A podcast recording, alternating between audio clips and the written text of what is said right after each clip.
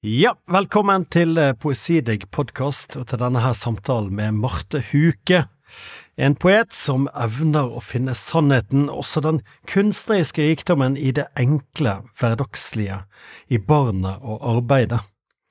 Hun debuterte tilbake i 2002 og gjorde seg umiddelbart bemerket med boken Delta, som tok inn geologien og landskapet i store språkrom vi som lesere følte vi fikk lov til å bare være i en nedpå rolig, undersøkende tone som likevel får en sterk gjennombruddskraft, sånn som en isbre langsomt trenger fram sin plass i fjellmassen. Vi skal snakke om hvordan Huke i tillegg har søkt nye former og samarbeid på tvers av kunstartene, og hvordan det i de siste utgivelsene har vokst fram en ny, viktig tematikk, der det er barnet og moren som står i fokus. Barsel, fødsel, og det å se språket ta bolig i et barn, og utforske verden gjennom det, ved siden av den skapende, skrivende moren. Velkommen til Poesidigg, Marte Huke. Tusen takk. uh, ja, altså, det, det, er jo Du har jo et, et, et, mange lesere, men det er kanskje ikke alle som har lest deg. Før så kanskje vi skal rett og slett begynne med å høre et, et kort dikt fra din siste diktsamling, som heter Los, som rett og slett er bare noen uker gammel når vi skriver midt februar 2023. Ja. Jeg beveger meg mot minnene holder meg fast med bokstaver. Å skrive er å slippe alt du har, og så holde fast. Å skrive er å holde ut når du har lyst til å gi slipp. Å skrive er å feste skyggen sin til fellesskapet. Mm. Tusen takk. Det var jo egentlig ganske mange nøkler i den eh, hva man skal kalle det, po poetikken, nærmest, som, eh, som lå i det, i det diktet. Du er, du er, aldri redd for å skrive om skriving i forfatterskapet ditt? Nei, det er jeg ikke. Det Jeg er også veldig glad i å lese andre forfattere som skriver om skriving, så det, mm. det er stadig noen ting som eh, må opp til vurdering og refleksjon. Det er jo det som er verktøyet for å uttrykke meg, så det blir naturlig med inn. Mm. Mm. Ja, vi skal, vi skal, snakke litt om metoden din, og, som, som, helt åpenbart er, er, spesiell. For den, det virker som at metoden og uttrykket henger veldig godt eh, Eller henger veldig sammen. da. At det er et slags undersøkende rom du går inn i. og Jeg er veldig spent på den, på den skriveprosessen. Altså, hvordan du, du, har, du, har, noen ganger omtalt deg som en, som en samler, eller Altså en, en, som, en som, som, er ute i verden og, og liksom plukker ting. Mm. Ja. Vil du fortelle litt om det? Ja, jeg har uh, Skrivinga mi går ofte i to faser. Det handler om å um, samle på ulike språk, sitater, notatbøkene mine er full av uh, ulike innfall og det jeg finner når jeg leser. Men også ikke bare den notatboka jeg har her og nå, men jeg samler på notatbøkene mine og går tilbake og reaktiverer stoff som jeg allerede kanskje har jobba med før også. Jeg går tilbake i tidligere bøker og ser hva jeg gjorde før, og. Akkurat som at det er en slags geologisk utforsking av tid som pågår. Ja, ja. Og også av uh, utforsking av den samtida som jeg lever i. Prøve å ta inn den. Ja. Ja. ja. den har jo virkelig kommet inn i din, i din siste bok med, med aktualiteter, krigen videre. Men den, det er jo interessant at du sier det med, med de geologiske lagene bakover. Det er Eh, I en av bøkene dine så, så, omtaler du rett og slett det første diktet du har skrevet eh, når du var fire år. Det, stå, det, står helt eksplisitt. Det første diktet kan jeg ha vært fire år. Og så står det et dikt, husker du det utenat? Vinden er min venn, den kommer igjen og igjen. det, er jo, det er jo så, du, så helt siden du var Du var kanskje åtte-ni år eh, her, eller, eller var du yngre, kanskje? Når du begynte å gjøre de første notatene? Jeg begynte å skrive dagbok når jeg var åtte år. Ja. Da sa bestefaren min at jeg måtte begynne å notere været hver dag. så da gjorde jeg det, og skrev Men jeg skrev dagbok jevnlig fram til jeg var sånn um, 15-16. Mm. Da oppdaga jeg at jeg begynte å dikte, eller lyg til dagboka, fordi jeg kunne ikke skrive det som faktisk skjedde. Ja. Da begynte man å utforske noen grenser, og jeg var redd for at noen skulle finne dagboka. Så da ja, da sluttet jeg med det. Men jeg begynte å skrive andre ting i stedet. da. ja. Oppdaga skjønnlitteraturen for alvor. Jeg, var, jeg leste veldig mye når jeg var i, um, i barndommen, men uh, i, på videregående så oppdaga jeg Tarjei Vesaas og Fuglene, og da Ja. var det Ja. ja. ja. Ja, da var det kjørt. Ja, da kom, skjønte jeg at man kan skrive det som er sant, på en annen måte. Mm. Ja. Gjennom bilder og gjennom å sette sammen verden på nytt. ja. Jeg husker også det var, et, det, var, det var et alvor som kom inn der, som et vakkert alvor med den boken. Virkelig. Altså, men, du, men du tar jo dette på alvor, og du Du, du går jo Du drar til Bergen og begynner på Skrivekunstakademiet, og, og, og går liksom all in, tenker jeg, fra første stund. Altså, dette er noe du, du er helt Du virker helt sikker på. At, at du skal bli forfatter, du skal, du skal satse på denne diktningen. Mm. Ja, jeg hadde jo noen år der jeg surra litt rundt først. Jeg begynte på universitetet, og også i Bergen, da, og studerte språk, og og bare falt helt sammen, fordi jeg kjente at jeg passer ikke inn her i akademia. Jeg får ikke uttrykt meg på den måten jeg vil. Ordene brukes på feil måte i forhold til hvem jeg er. Jeg var kanskje ikke så bevisst på akkurat det der og da, men jeg kjente at her kan jeg ikke være, for her får jeg ikke pust. Mm.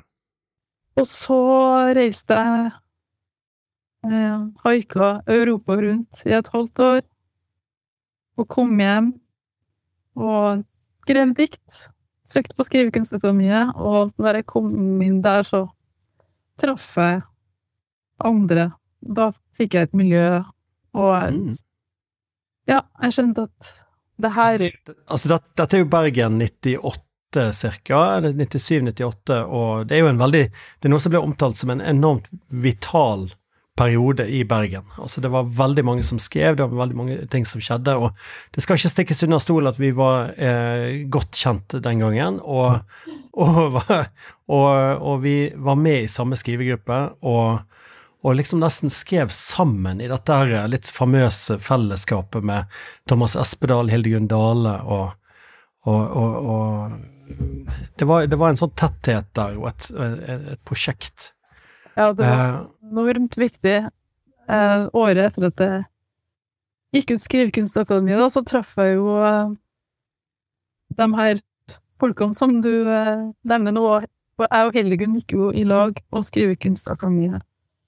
Og det at vi laga den skrivegruppa og fortsatte språkarbeidet sammen, det Mm.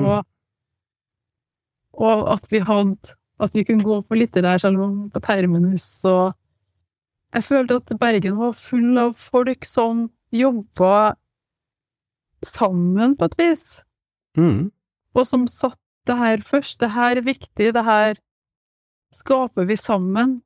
Og så ble Bergen poesifestival stifta, og hele verden kom inn med helt nye innfallsvinkler til hvordan man kunne jobbe med språk, og vi begynte å lese de svenske poetene, og mm. det bare åpna seg og åpna seg nye strategier. Det var enormt viktig. Mm. Et Ja, nei. laboratorium. Ja, nei, Thomas Espedal for eksempel sier jo sjøl at det forandret hele hans måte å skrive på. Altså, de årene der. Det var, det var virkelig en motor som gikk. Men jeg tenker kanskje det vi, det vi overbeviste oss Altså, jeg tenker det som vi kanskje gjorde mer enn noe annet, var å overbevise hverandre om at dette skal vi gjøre hele livet, på en måte. Altså, altså det var, det var en selvsakthet. At det var ikke noe sånn Ja. å gi ut en bok, og så var vi ferdig. Det var liksom dette We're in it uh, for life, på en måte. Det, det, det syns jeg var, var kanskje det vi gjorde mest. Altså at det var Vi bygget opp den. Og du debuterer jo eh, Du begynner på litterær gestaltning i Gøteborg, Göteborg og går der to år. Eh, og, og med Gro Dale som veileder, og det er ikke så mange som vet. Og, og, og, i begynnelsen tenkte jeg det var veldig rart, men, men eh, nå, har jeg sittet og lest hele forfatterskapet ditt, og det er ikke rart i det hele tatt, altså. Det er my mye Gro Dale eh, Altså hennes eh, Hva skal man si ånd lusker i bakgrunnen der, altså. Hvordan var det å jobbe med henne som, som en som en som var på vei mot debuten? Nei, det var jo en drøm, det også. Og um, hun er jo så entusiastisk og veldig klok. Veldig, veldig Mm. klok. Og når hun skulle gi respons på en tekst, så var det ikke fire linjer, men det kunne være eh, Ja, jeg vet ikke. Lange, lange mailer og bøker med dedikasjoner med tegninger i, og samtaler der vi spiste fire kakestykker i stedet for to, og Mm. eh, Nei, hun, hun er en veldig raus og varm og klok person, og hun er veldig skarp når hun leser. Mm. Eh, hun veileder meg og prøvde å finne potensialet i Ja. jeg holdt på med, på en måte som ikke var sånn streng, men veldig oppløftende. Ja, Og jeg har lært veldig mye, for jeg har jo også vært en del skrivekurslærer Mm. parallelt med at jeg har gitt ut bøker, og jeg har tenkt veldig mye på den måten hun hjalp fram mine tekster når jeg Mm. skal hjelpe andre med å se potensialet. At det mm, Veldig Ja. konstruktivt. Ja, ja, ja. Men det skal jo sies at Delta, som da er din første bok eh, i 2002, den, den, den er ikke veldig godalesk, holdt jeg på å si. Altså, den er jo Den er veldig motsatt, vil jeg nesten si. Altså, det er en Mm. Det er en klarhet, en tørrhet. Jeg snakket i innledningen om, om geologien, landskapet. Ja. Eh, som jeg, som jeg syns du delte kanskje litt med både meg og Hildegunn. Altså, der, skrivegruppen var veldig opptatt av dette her, på en måte. Det, Ja det, det, det, tørre og, og det, det, det, det antydende og det liksom Ja. Nei, men for meg var det veldig viktig å skrive den boka, fordi den Altså, når jeg skal tenke på det som et bilde, da, så er det akkurat som at den la gulvet. Altså, der er fundamentet mitt. Der kan jeg bygge oppå.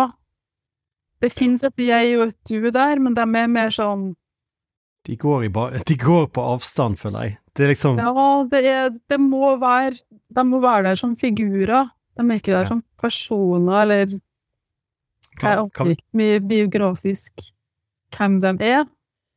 Men landskapet, det er Det er jo egentlig ehm, Jeg ser for meg barndommens landskap.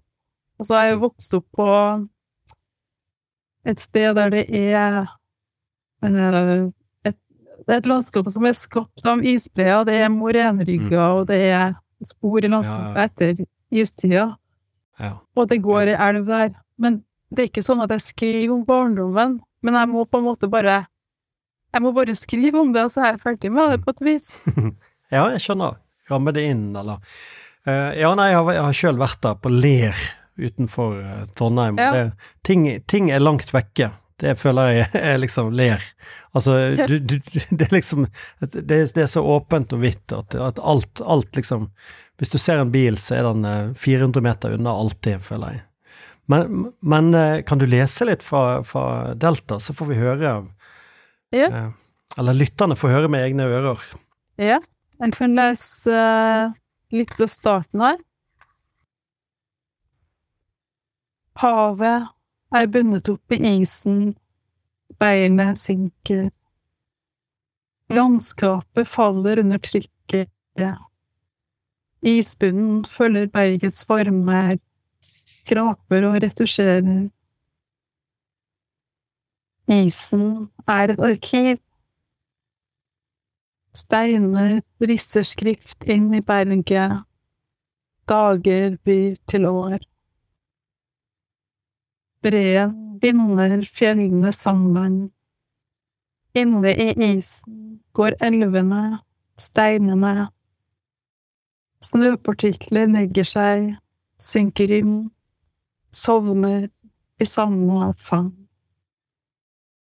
Huset ble en gang bygd. Huset har ingen hukommelse. Lampene tegner grensene mot mørket. Elva er en vannmasse som beveger seg i én retning, gnager på grunnen til den oppløses og fjernes. Partiklene svever i vannet, hopper og glir langs bunnen. Jeg har et navn, et hode, to hender. Jeg bygde ikke huset, jeg tente lampene. Den strie strømmen vasker bredden, retter ut løpet. Tusen takk. eh, Det var fint å høre igjen eh, fra Delta. Altså, dette var jo en bok som, som eh, gjorde inntrykk på folk. Altså, den har jo blitt senere oversatt til tysk, blant annet, i sin helhet, faktisk. Eh, eh, og, og ja, det fins en sånn tysk connection der eh, som vi, vi kan komme tilbake til med Berlin og Det, det er Ja. åpenbart at det tyske også har vært veld, veldig viktig for deg, men eh, men eh, det var jo litt artig at kanskje bare en måned etter at boken kom ut, så, så, var, så var det plutselig kronikker i Klassekampen om, om, om Huke og Bergsvåg og, og, og Vetal, Silje Vetal, og, og liksom der, der Espen Stuland gikk til angrep fordi at han mente at, at vi var, vi var forklaringsvegrende. Altså at vi ikke forklarte poesien vår ved siden av det, at det var, det var kryptisk og mystisk. og hvordan var det å få en sånn, eh, som, som ung debutant, få en sånn uh, uh, Altså, boken fikk veldig gode anmeldelser, men, men plutselig kom denne, Mm. denne debatten. Nei, da var det veldig godt å ha den der sjøltilliten fra Bergen i munnen. For kjenne at ja, vi holder jo på med noe, vi har jo et prosjekt, og vi vet hva vi gjør, og hvis noen trenger å få det forklart, så er det kanskje fordi de ikke har samme referansene som oss, eller altså Mm. Ja. Uh, Ja. det gjorde ikke meg noe. Nei, jeg, jeg, samme her. Det var, det var mer sånn Jeg syns det, det var fint at det ble en debatt om poesi. Og fint Mm. at noen naila termen 'den grå generasjonen'. Det er innsalget til podkasten. Den, den, den grå generasjonen snakker endelig. ja. Så, Ja. Nei, men, men, men, altså eh, etter, etter denne boken så, så skjer det en, en stor bevegelse i deg. Altså, jeg vil si at, eh, at det nesten At du, du, du, du avslutter den, det prosjektet, og så kommer du inn fra en helt ny vinkel, vil jeg si. Eh, Det er som de to første bøkene er to parallelle løp som, som er innganger til din poesi. Fra to forskjellige Ja. vinkler. Fordi at, Ja. For det, da, da kommer du med noe som heter Se sol, eh, to år senere, i 2004. Og, og, og jeg, har, jeg har drevet eh, gravearbeid i det dype, mørke internett, og, og funnet eh, Nypoesi Nett, som var en viktig nettside helt i tidlig internett, eh, og der skriver du i en samtale med Pia Nykenen av og til tenker jeg at jeg har en sterk narrativ åre som ligger i bunnen, at det dreier seg om å fortelle en historie, og det er det jeg vil bort ifra, sier du. Mm. Eh, og det ser man eh, tydelig her. Dette, dette var noe helt annet. Ja. Ja, ikke sant. Jeg ville bort fra å fortelle en historie, ja. Jeg ser jo at det er en historie her òg, men eh, Men eh, Men du hører jo nesten i tittelen, altså Se sol. Du, altså det, ja. det, det er bokstavrim, og det er på en måte det, det klanglige. Ja, nei, jeg, jeg prøvde å utforske det klanglige, det var viktig. Klanglige og det rytmiske og de små bestanddelene i språket, eh, og det Altså det å få et språk, altså det derre språket som er i lesebøker Mm. på barneskolen. Og så har jeg prøvd å liksom finne ut hvor er det skriftspråket mitt kommer fra, Ja. på et vis. Mm. Og så føltes det jo litt som at jeg starta på nytt, ja. At jeg måtte liksom veksle spor. Fordi jeg kunne ikke skrive den samme boka en gang til. Og sånn eh, tenker jeg alltid når jeg lager en bok, at hver bok er ei bok for seg, en enhet, og jeg må utforske noe nyttig i hver bok. Mm. Ja. Så da blir det et slags laboratorium for eh, klang og musikalitet, kanskje, for jeg har jo en Jeg er veldig opptatt av det musik den musikalske eh, Det musikalske når jeg skriver, Mm. og eh, den mer intuitive delen og den mer kroppslige måten å skrive på. Mm. Ja, det er nesten en slags na naivitet. Altså, Altså, ja. det naive, på en måte, det, det direkte. Ja, tidlig skole, eh, altså førsteklassepensum, er på en måte Ja. er der, da. Og, og det er litt av en ambisjon. Altså, I en samtale med Bendik Wold i Morgenbladet så sier du at du vil undersøke om det går an å skrive uten å tenke. Ja. Det er nesten en, en automa automatskrift. eh, Det høres ut som eh, oppskriften på automatskrift, men, men det er jo ikke det i det hele tatt. Nei, det handler mer om å, å improvisere fram et språk, kanskje. Og så Ja, jeg Ja. Er dette noe du gjør Er, det, er dette liksom en metode du bruker ennå? Altså, altså lytte til, lese høyt når du skriver, eller altså jeg, Nei, jeg leser ikke så mye høyt det jeg skriver der og da, det gjør jeg ikke, men eh, jeg skriver veldig ofte sånn stream of consciousness, eh, bare sånn for å komme i gang med skrivinga på morgenen. Ja. mm, Jeg må sjøl skrive det første som faller meg inn, og så kanskje kommer det noe der som jeg kan bruke. Eh, på den måten. Og så har jeg også en del Siden jeg samarbeider mye med andre kunstnere, så eh, det at jeg er i situasjoner der jeg må improvisere. mm. Da, eh, da kan jeg jo gjøre det, da. Ja, ja. Mm. Altså, du, det, det ble jo Det ble fortalt, jeg så, så det aldri sjøl, men, men at, du, at du nærmest sang denne diktsamlingen eh, ved opplesninger, Ja, eh, det hørtes veldig spennende ut. Jeg, jeg ønsket alltid å se det, men Jeg gjorde det én gang, og så følte jeg meg som en klovn. Husker jeg at jeg så til Arne Ruste som satt ved samme bord, og så sa han ja, men er ikke det bra, da? ja. Så, Jo, jo, folk å betaler for seg klovner. Nei, men det er jo noe med at eh, jeg kjenner at det må være en risiko involvert når jeg skriver. Jeg må prøve å utforske noe nytt, og da kan det være framføringa, eller det kan være ja. at jeg skal inn i et samarbeid med noen som gjør noe jeg ikke skjønner, eller Mm.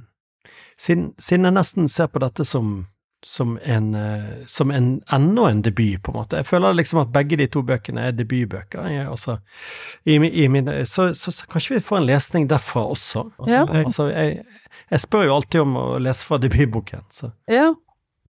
Og hvis du kan synge, så er jo det uh, nei, det tror jeg kanskje ikke jeg skal. gjøre.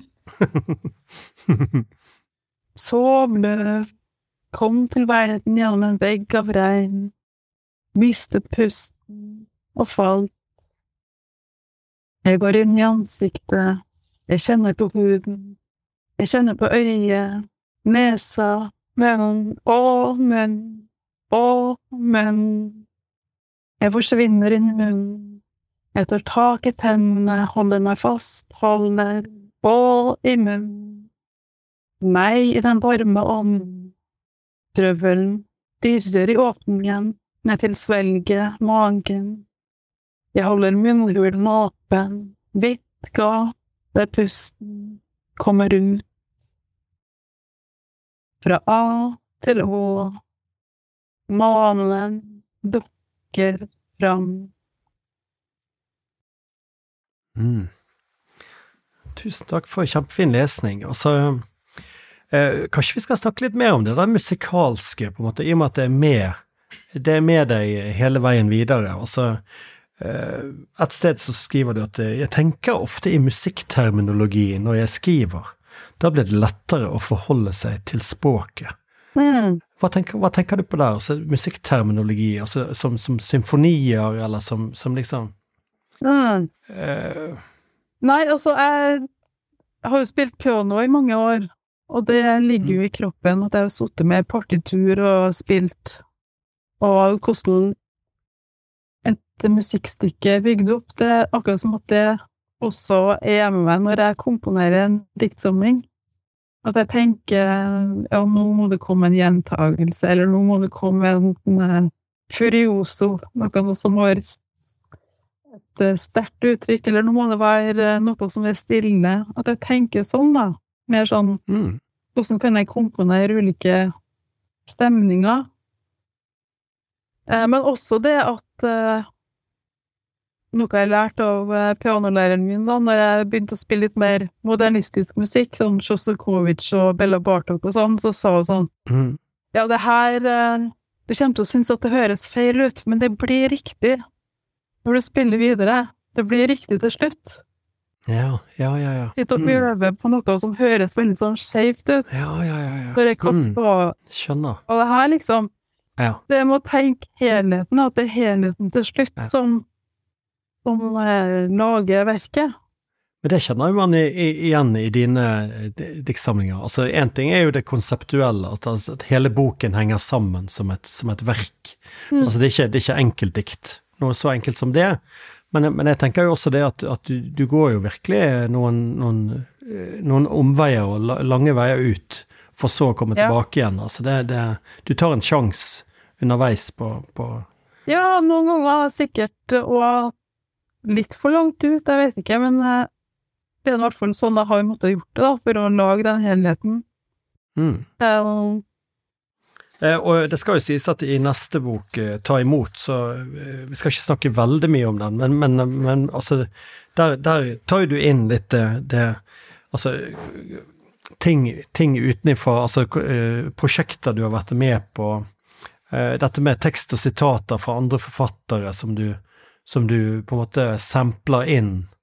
Eh, så, så der, der begynner jo på en måte den samleren og, og, og dette, dette laboratoriumet som, som henter inn stoffer og mikser og ja. eh, Jeg tenker at det begynner for fullt der, da. Ja, ehm, det kan du si. Jeg vil si at eh, samleren får aktivert stoffet sitt her, da.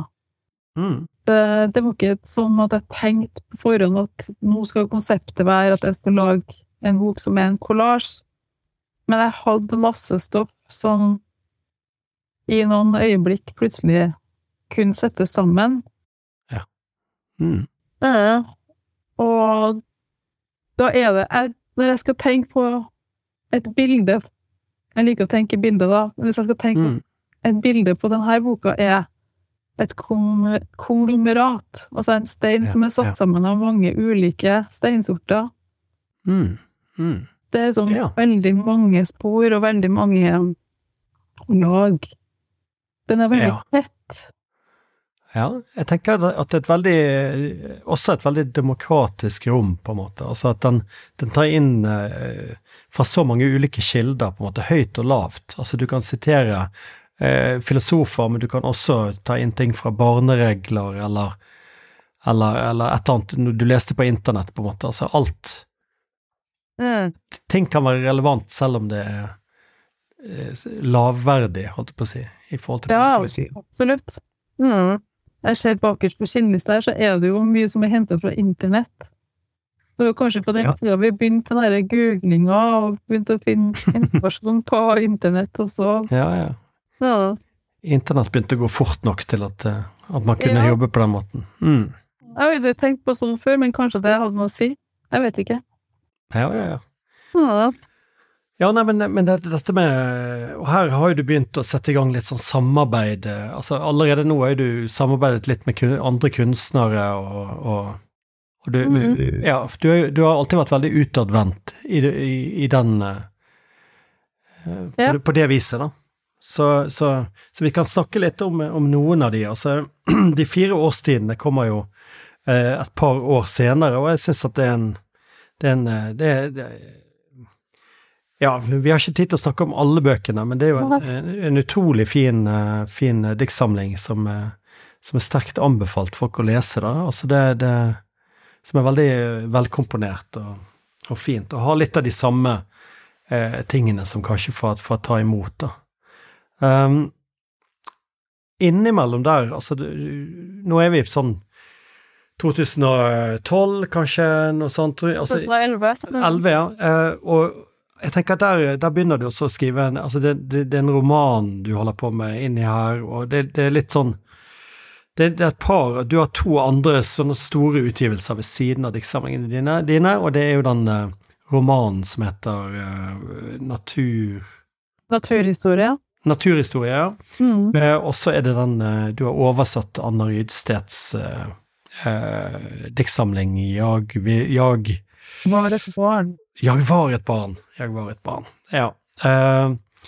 så, så men, det, men, det, tar litt tid før du kommer frem til neste diktsamling, da, i, i 2019. Mm, ja. Eh, og da eh, er det nok en sånn stor bok, på en måte. Du, du, du tar litt plass der med liksom 180-190 sider med, eh, med, et, med, et, forløp. Og der, den, den, heter altså 'Du er et levende sted'. Mm. Og, og, og, der kommer jo denne tematikken, og det kan jo være ha naturlige grunner for livet ditt, at du begynner å skrive om små barn. Men men jeg, jeg vet ikke, had, hvordan var opphavet til den? Var det sånn at du hadde et materiale som var annerledes, og så, og så begynte du plutselig å, å, å få bar, Eller liksom Barnetematikken kom inn eh, naturlig, eller? Nei, altså Hva skal jeg si? Altså Det var jo på en måte å ta konsekvensen av det som hadde Altså, noen sa til meg en gang at du klarer jo ikke å skrive en ny bok før det har skjedd noen ting i livet ditt. Og det som hadde skjedd i livet mitt da, det var at jeg fått barn, og det var en eh, Det var jo en heftig opplevelse, og både det å få barnet og være gravid, og det å, å se henne vokse og bli stor. Mm. Så da hadde Jeg noterte jo hele tida Jeg var jo forfatter sjøl om jeg ble mor, så da mm. tok jeg bare det med inn i skriverommet. Ja. Og jeg syns det er rart at ikke flere gjør det, egentlig. For det er jo en livsomveltende opplevelse, men samtidig så utrolig vanlig. ja, ja, ja. Det er noe nesten alle opplever. Uh, men det er jo klart at uh, rundt uh, et par år før så kom jo Aina Villanger med en bok. Kristina Leganger Iversen hadde noe lignende der. Det var, det, var, liksom folk som begynte å touche den her mm. mor, mors ja. Og, og, og et, det, det, er et godt poeng det at du sier at, eh, at hvorfor gjør ikke flere det? Altså, er det, er det? Har man sett litt ned på det, på en måte? Har, det vært, har, har, dikt, har diktet på en måte vært såpass maskulin sjanger, eller, ja. eller så, så, så, universelt, eller liksom det maskuline er det universelle?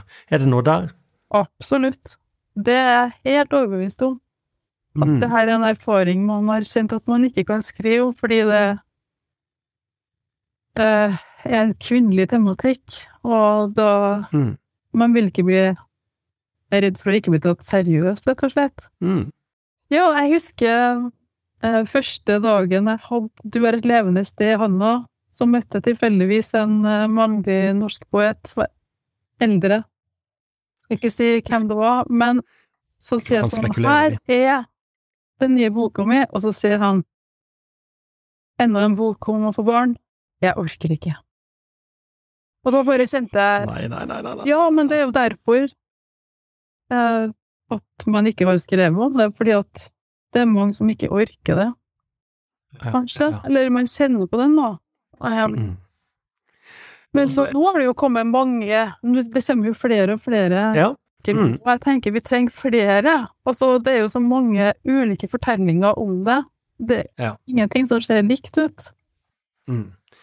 Ja, nei, virkelig. Det er et felt som har åpnet seg, og jeg tenker i forhold til andre Altså, det å ha et barn inni seg og forløse et barn, det er jo en kvinnelig erfaring. Sånn er det bare. Eh, ja, men, jeg tenker, men jeg tenker det at litteratur er jo universelt, uansett hva det handler om. Mm. Altså, for det handler jo om empati, innlevelse, på en måte, og, og, og, det handler ikke minst om språk og hvordan man forvalter en erfaring. Men, men jeg, jeg, tenker også i forhold til minoritetserfaringer, som også har vært helt fraværende, har også kommet inn de siste årene. Mm. Eh, og som, som, på en måte Altså, jeg, jeg kan ikke føde barn, jeg har ikke noen minoritetserfaring, men, men jeg kan fortsatt lese om det. Altså, det, det kan fortsatt det kan skje, skje viktige ting i den, i den lesningen. Og da, da, tenker jeg hvis man låser seg til en eller annen identifikasjon mm. Hvis litteratur skal være identifikasjon, på en måte, altså du skal bare Da, da blir jo det forferdelig fattig. Eh, fattig, altså. Men det Ja. Det. Alle har jo vært barn en gang. Alle har jo kommet ut av en mage, og mange opplever jo det å få Altså, en mann opplever jo også å få et barn i livet sitt og, mm. og se hvordan forandring som skjer med både hen sjøl og barnet. Altså, det er jo Ja, nei, det er jo så mange ting å utforske i det der feltet. Mm.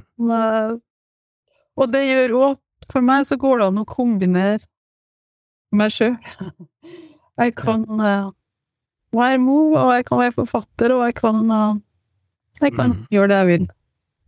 Denne boken, eh, 'Du er et levende sted', den er jo nesten kronologisk. Altså det, den har disse fasene med barsel, fødsel og, og liksom livet etter, med, med, med en, liten, en, liten, ny skapning i verden. Det, det, mm. Så, så uh, jeg, jeg, lurer på om du kunne Om vi kan få høre litt herfra? Du kan jo, Det blir spennende å se hvilken del av prosessen ja. vi skal inn i. Ja, ikke sant. Du har jo et utrolig Jeg har hørt deg lese fra selve fødselsøyeblikket. Jeg er faktisk med her, da. Uh, og det, det, Jeg husker ikke hvilken side det var, 78 eller side 70. Uh, og det var jo en uh, mektig opplevelse på en litteraturfestival i Ålesund. Skal vi se du vokser og utvider kroppen min. Mange millioner år tok det før du kom hit.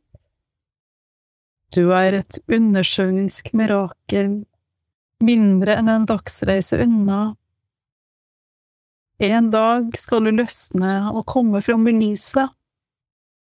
Nå er du på størrelse med en dråpe som ikke kan tørkes bort. Du snur deg ved verdens ytterkant. Jeg merker at du lever. Ei hånd griper etter noe den ennå ikke kjenner. Foran deg ligger dagene, du som livet skal forvandle. Du skal reise fra meg uten å se deg tilbake, komme med hodet først fra en vektløs verden til den tunge, Landskapet forandrer seg underveis, og du forandrer landskapet. Snart skal du gå inn i din tid, endelig komme hjem til et sted du aldri har vært. Mm. Tusen takk, Marte. Du, jeg skulle nesten ønske det var bare opplesning her. Det, det er veldig fint å høre på. Uh, Eh, det er jo helt åpenbart at du har Eller i opplesningene dine så hører man liksom den mus musikaliteten også veldig godt, da. Så det er veldig fint. Um, altså, den, den eh, Du utvikler jo den videre i, i denne boken uh, Los, da, som er helt rykende fersk. Mm. Det, men på en, på en, litt annen måte, og, og, en anmelder skrev jo det at, at man leser jo ofte om Altså, det å ha barn og, det, og den type ting, så, så, så, leser man ofte at barnet har blitt syk, eller moren har blitt syk. Altså, det er ofte noe dramatisk og litt sånn uh, Ja, overveldende, men, men, her er det uh, Det du tar inn her, er det voksne perspektivet. Uh, og den, og den, skapende moren, altså rett og slett barnet og moren som oppdager, eller liksom forholder seg til språk og kunst Eh, ja. sammen, eller parallelt, eller Ja, det er et paradoks at mens mora da kanskje jobber med å underliggjøre språket og, og si ting på nye måter, så er det sånn at barnet oppdager språket og sier ting på nye måter på grunn av feil. Pågår. Så det er ja. underliggjøringa. Ja, ja. Jeg ser underliggjøringa, mens barnet ser Å, jeg kan si det på den måten. Ja, ja. Ja, Og så er det egentlig kanskje feil, men samtidig kanskje mer sant. Mm. Så sånne oppdagelser har man hele tida når man ja. har et barn i sin nærhet, da. Ja. det er nesten en sånn ur, urpoesi, på en måte. Altså feil, på en måte. Der, der språket går litt feil, og så Mm. skapes noe helt nytt. Ja. Men jeg tenker òg at denne boka her eh, Altså, den ble skrevet veldig fort. Den kom veldig fort når den først kom. Men det er veldig mye av det her som er notert under pandemien og er Som en reaksjon. Det er veldig mange av diktene som er skrevet som en reaksjon, bare sånn følelsesutbrudd, liksom. Mm. Der kom krigen. Ja, ja, ja. ja. Hva skriver man da? Hva gjør man da? ja, ja, ja. Men, men han er jo i verden, altså det står datoer og måneder og Så det, det, det, det er jo så du, du nesten antyder en slags dagbok eh, Ja. der òg. Ja. ja. Altså, i et, i et intervju så hørte jeg deg eh, snakke om å skrive, og da sa du Brukte du plutselig uttrykket 'å få los på teksten'? Midt i en setning, som om det var, det var den mest selvfølgelige ting å si. At eh, etter en stund så føler du at du får los på teksten. Mhm. Jeg bare, jeg bare tenker eh, Og så så jeg at boken din heter Los. Men hva er det for los på teksten? Det er når uh, du begynner å skjønne uh, Eller kanskje for meg handler det om hvor jeg finner en form. Ja. Altså, Ja. For jeg har masse som ser veldig ulikt ut, og så begynner jeg å skjønne Ok, men jeg kan sette sammen på denne måten. Ja, ja. Og da skjer Så- det ganske fort. Så du får en los om bord på, Ja, på skuten, på en måte, som viser en vei, da, eller? ja da ser jeg boka. Da ser Ja. en helhet som tekstmaterialet kan inn i. Ja. Før det så kan det være veldig utflytende, og jeg skjønner ingenting, og ja, blir veldig utmatta. Men så plutselig, for når jeg da begynner å lete i det materialet jeg har, så ser jeg hva det er som, som eh, har med hverandre å gjøre. Mm. Hvordan setninger, hvordan tekstpartier som kan stå i lag, da. Ja. Mm. Ja, det er jo en, en sidestilling på en måte også i dette, liksom. Altså, setningene kan virke på hverandre på ulike måter og få, få en annen natur når de Ut ifra hvilken sammenheng de står i. Ja. Eh, um, men los kan vel også tolkes som Altså at du er, du er barnets los, eller, Ja, eller det, at barn loser. Så skal det være hvem loser hvem, det er noe Det er nok ikke alltid så greit å si. Jeg visste nå ingenting om å være eh, mamma, for eksempel, før jeg fikk et barn. Det er jo barnet Mm. som viser meg det ofte. Ja. Eh, og når det gjelder språk, da, så kan jo Så er det jo litt eh, Man orienterer seg, sant. Man prøver å finne en vei med det man har skrevet. Mm. Eh, og en los navigerer, vet hvor skjærene ligger. Ja, ja. ja.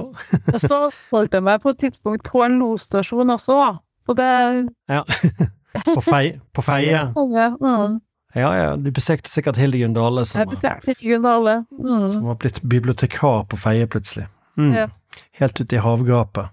Mm. Eh, ja, eh, altså eh, vi, jeg, jeg, Jeg vil bare høre litt om denne, denne altså skrivesituasjonen din. For det at vi, vi Det altså å, å liksom Å leve i verden med, som poet det, vir, altså det å samle inn forskjellige ting fra forskjellige kilder, og det, det høres ut som en eh, ganske sånn eh, Kanskje litt overveldende også, eller er det, er det, er, må, du, må du liksom slå av dette, eh, dette arbeidet av og til? Altså, altså Eller skriver du hele tiden, på en måte?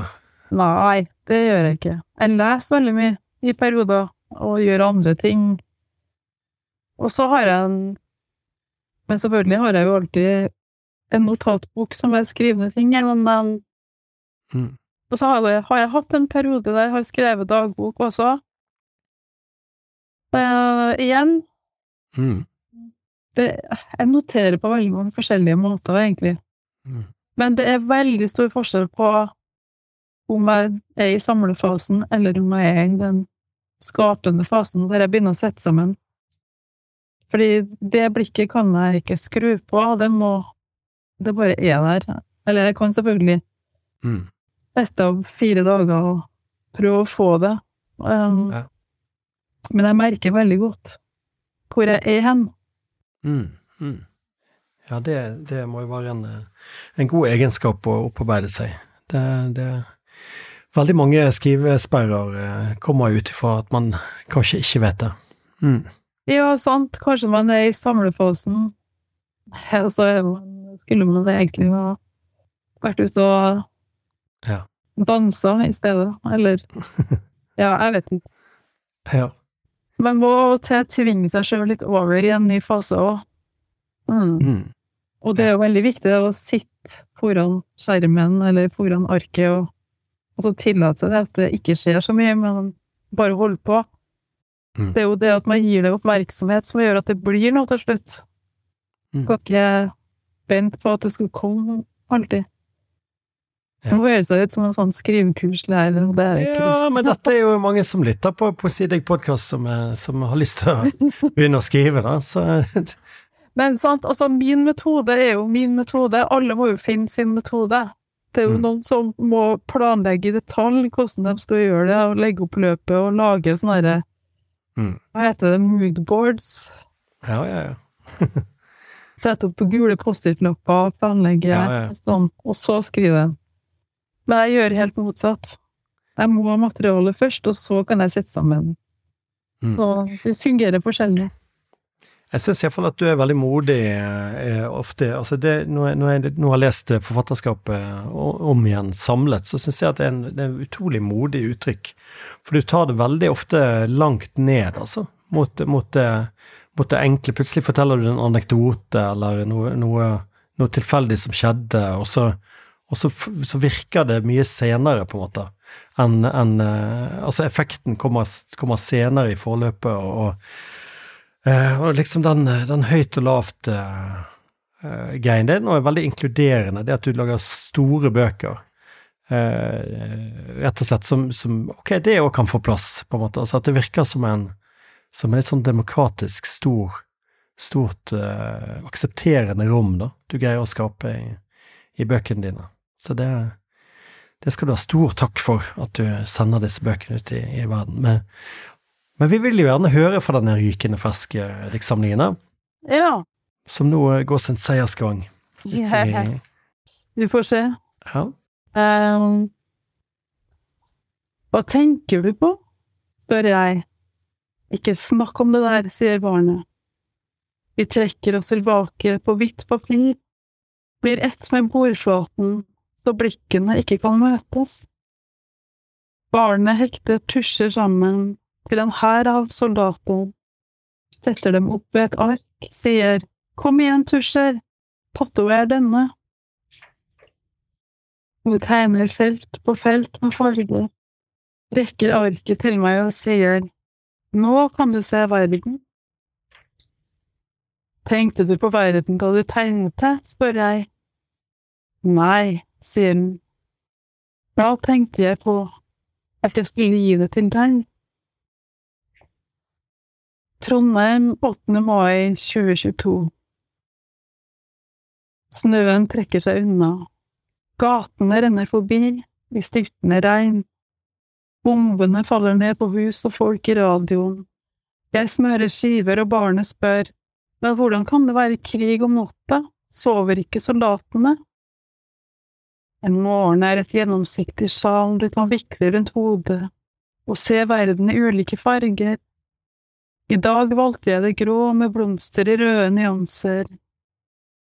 På veien utenfor blokka vår kjører bilene på nykostede veier, straks 17. mai, og vi skal feire vår frihet. Da kommer et intervju med 95-åringer som snakker om den dagen da krigen tok slutt, og barnet roper Hvilken krig tok slutt, mamma? Hvilken krig? Til nasjonaldagen skal jeg sy festdrakt til barnet av klær jeg selv har hatt rød silke, gulltråder, må huske å feste båndene. Skoene er kjøpt for en femtilapp på Røde Kors. Jeg må skynde meg å sy så jeg ikke kommer for sent til toget. Barnet dikter et eventyr om å snike seg ut om natta og komme tilbake før jeg våkner uten at jeg merker det. Over naboblokka i Persjøne leir har det reist seg en gul heisekran.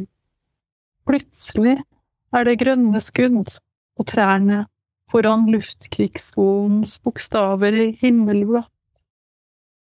Krokusene lyser i flokk under fuglemateren som ingen fugler oppsøker lenger. I vinter var det 14 duer, fire ulike kråkefugler, kornkråke, kaie, skjære og kråke, og sibirsk nøttekråke, det blir fem, og alle slags levende småfugl i rykk og svev mellom kvister.